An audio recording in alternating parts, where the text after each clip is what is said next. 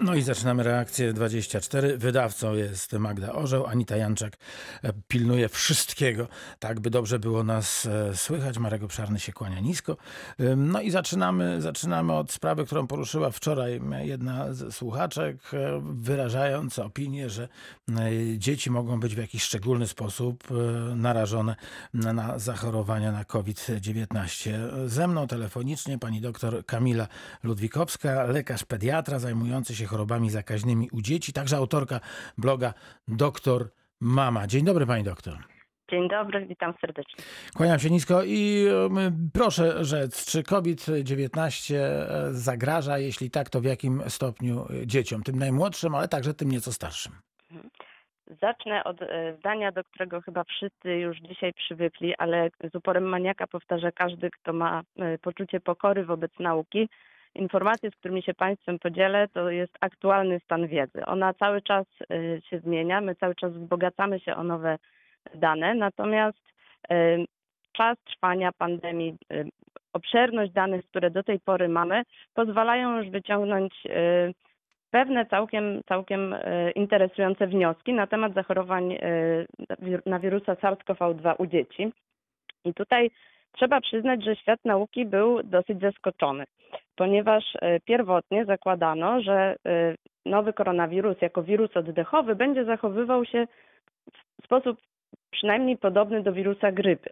Grypa bardzo lubi małe dzieci i one są e, raz, że często ulegają zakażeniom, dwa, że są często źródłem zakażenia dla innych osób. Oczywiście w zależności od serotypu to może się troszkę różnić, ale to była taka pierwsza baza, na której stawiano e, hipotezy i, i rozpoczynano obserwacje dotyczące nowego koronawirusa. Natomiast okazuje się, e, że dane i z Chin, i z Włoch, i ze Stanów Zjednoczonych, z tych krajów, gdzie ta fala pandemii była, przeszła już najsilniejsza, e, mówią, że za- zakażenia wśród dzieci do 18 roku życia to jest raptem 2% e, rozpoznanych zakażeń i, i, i zgłoszonych zakażeń.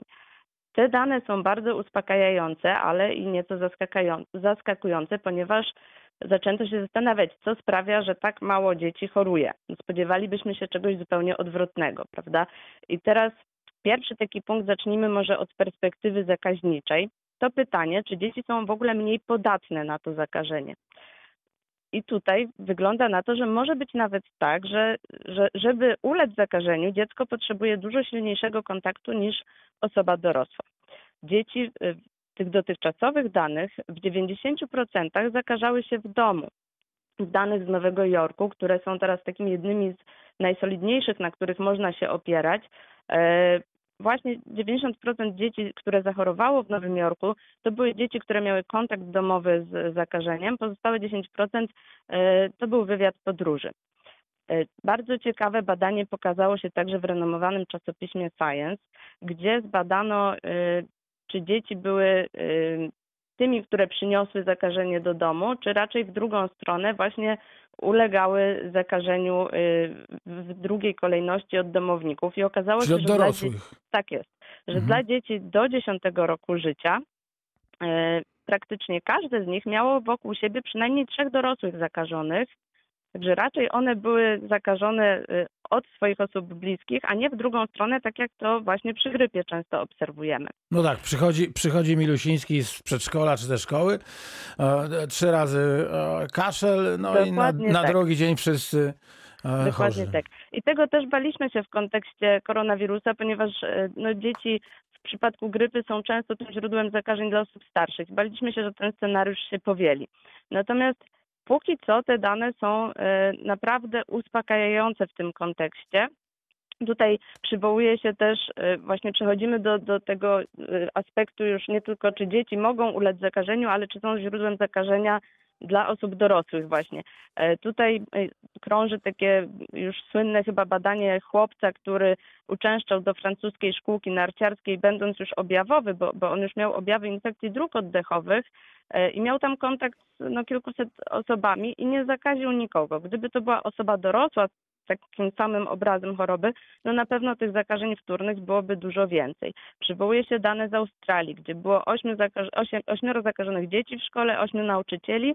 miały łącznie kontakt z ośm- 850 osobami i tylko dwa nowe zakażenia wykryto w, w tej placówce. Więc wygląda na to, że te dzieci faktycznie rzadko są wektorami zakażeń w swoim środowisku. To oczywiście cały czas podlega dalszym obserwacjom, badaniom. Mamy dane wirusologiczne, które pokazują, że ten wirus jest obecny w ich drogach oddechowych. Także jest to swego rodzaju zagadką nadal dla świata nauki, ale tak jak mówię, te dane, którymi już dysponujemy, są w tym kontekście bardzo uspokajające. Teraz, jak już ulegną zakażeniu, to jaki jest przebieg choroby u dzieci? Zakażenie wirusem SARS-CoV-2 wywołuje zazwyczaj takie objawy jak u dorosłych, ale po pierwsze zdecydowanie rzadziej w populacji dziecięcej, a po drugie są to objawy dużo łagodniejsze niż u dorosłych. Większość y, tych informacji, o których ja tutaj tak bardzo optymistycznie mówię, dotyczy dzieci w grupie wiekowej do 10, w niektórych badaniach nawet 15 roku życia. Nastolatki traktujemy już troszkę bardziej y, jak grupę dorosłych, chociaż jeśli chodzi o ciężki przebieg wymagający hospitalizacji zgony w tej grupie, także jest to kazuistyka. Także dla nich też ta choroba jest dużo łagodniejsza niż dla osób dorosłych. E, Dlaczego dzieci mogą y, być oszczędzane przez nowego koronawirusa? Tutaj też teorii na ten temat jest y, wiele i, i tak naprawdę y, nadal też je- jest to obszar kolejnych badań. Jedna z nich mówi, że dzieci mają mniej, w drogach oddechowych mniej receptorów, do których przyczepia się wirus, więc być może to zakażenie jest u nich mniej y, takie nasilone. Druga teoria mówi, że y, dzieci no, często te katarki w przedszkolach i, i szkołach łapią, często miały kontakt i często i niedawno w swoim życiu z innymi koronawirusami, które są odpowiedzialne za przeziębienia i, i tymi, które znamy od lat. Chociaż to jest no, troszkę może zbyt optymistyczne założenie co do odporności krzyżowej, ale jeden z wariantów. E, Trzecia teoria, y, która wydaje się bardzo przekonująca, mówi, że y, zachorowania u dorosłych mają bardzo taki e, typowy dwufazowy przebieg. Taka osoba dorosła najpierw przez kilka dni może czuć się troszkę gorzej, mieć łagodne objawy, może nawet już myśleć, że nie będzie tak źle, bo, bo czuje się dosyć dobrze, mimo że ma już zdiagnozowane zakażenie. Natomiast dopiero po siedmiu, po dziesięciu dniach rozpoczyna się ta druga poważna faza, gdzie objawy się nasilają. I sugeruje się, że ta druga faza nie wynika już nawet tyle z samej obecności wirusa, co z takiego rozkręcenia układu odpornościowego, który nie potrafi już y, jakby wyhamować w toku tego zakażenia i, i to właśnie ta reakcja taka zapalna jest y, tą najbardziej dewastującą, która bywa przyczyną takich ciężkich przebiegów, y, jak, jak widujemy u osób dorosłych. Natomiast dzieci nie mają jeszcze tak w pełni ukształtowanego układu immunologicznego, nie są zdolne do rozkręcenia tak silnej reakcji zapalnej, więc być może jest to, jest to to wytłumaczenie, które mówi nam, dlaczego dzieci chorują łagodniej. No dobrze, pani doktor, bo tu mamy, mamy teorię, ale wróćmy do, do tego świata, w którym, w którym żyjemy. Proszę powiedzieć e, w takim razie, na ile, na ile niebezpieczne, niebezpieczna e, może być choroba e, COVID-19, na ile niebezpieczny może być dla dzieci i tej, tej młodszej młodzieży, tak to nazwijmy, e, ten wirus. Mhm. Myślę, że y, takim bardzo uogólnionym i uproszczonym ujęciu możemy na razie porównać y, zakażenie nowym koronawirusem u dzieci y, w kontekście ciężkości przebiegu właśnie do grypy. Y, Natomiast przypuszczam, że pani, która tutaj zgłosiła niepokój, dzwoniąc do państwa, Miała na myśli ostatnie niepokojące y, informacje, które były bardzo medialne, dotyczące nowego zespołu takiego zapalnego u dzieci, podobnego do choroby Kawasakiego. I to jest y, jednostka odrębna od zakażenia per se, która także jest. Przepraszam, od jakiego aspektach- zakażenia? Wy- Wyjaśnijmy. Jednostka, o której mówimy, ta nowa Mhm. choroba zapalna, która może być faktycznie poważna, to jest coś niezależnego od świeżego zakażenia wirusem, y, tym, tym nowym koronawirusem. Rozumiem. To jest y, coś nowego, równie nowego jak pandemia, w związku z czym no, ten związek czasowy każe nam się zastanawiać, czy te dwie rzeczy mają ze sobą coś wspólnego. ale należy przede wszystkim podkreślić, że to są pojedyncze przypadki w ujęciu światowym.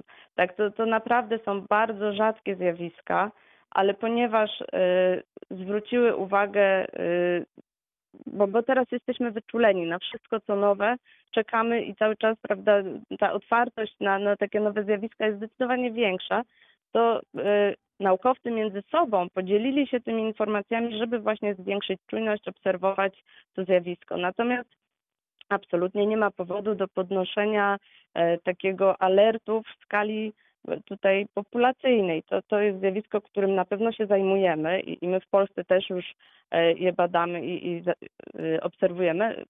Jesteśmy przygotowani do obserwowania, może tak. E, jeszcze ten Bo przypadków się nie u nas mamy. nie pojawił.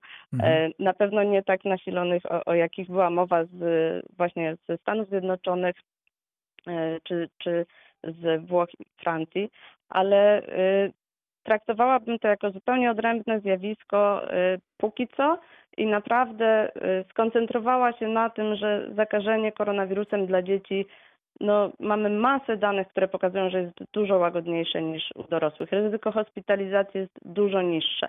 Te dzieci, które trafiają do szpitala, to są z reguły niemowlęta, ale też wobec nich jesteśmy zawsze bardziej czujni i nawet w tej grupie przebieg choroby jest zdecydowanie łagodniejszy niż, niż u osób dorosłych. Także pod tym kątem muszę przyznać, że ja też jako mama uspokajam się z każdymi kolej, kolejnymi doniesieniami, które napływają w prasie medycznej. Bardzo dziękuję za to wyjaśnienie. Pani doktor Kamila Ludwikowska, lekarz pediatra zajmujący się chorobami zakaźnymi u dzieci, autorka bloga Doktor Mama. Odsyłam Państwa do tego bloga. Była dzisiaj naszym gościem. Dużo zdrowia. Dziękuję i wzajemnie. Dla Pani rodziny też. A przepraszam, Tak. czy mogę jeszcze coś dodać? Może Bo Pani, tak oczywiście. W kontekście pediatrycznym właśnie pomyślałam sobie, bo skupiliśmy się na tym konspekcie takim zakaźniczym, ale w kontekście takim stricte pediatrycznym e, myślę, że dzieci tak naprawdę cierpią w przebiegu tej pandemii z uwagi na wszystkie inne jej aspekty niż samo zakażenie. One cierpią z uwagi na coraz częstsze problemy zachowania, problemy wynikające z zaburzenia rytmu domowego, na zaburzenia lękowe, które udzielają się członkom rodziny i, te dzieci mają teraz wrócić w jakimś stopniu do, do funkcjonowania przesiąknięte tym lękiem.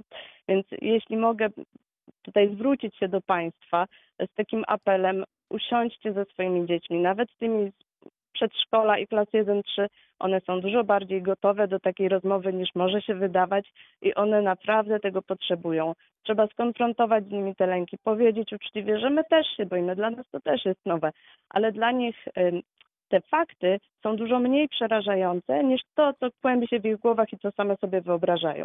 Więc z tym przesłaniem chciałabym zakończyć naszą dzisiejszą rozmowę i podziękować serdecznie jeszcze raz za zaproszenie. Stawiamy kropkę. Dziękuję.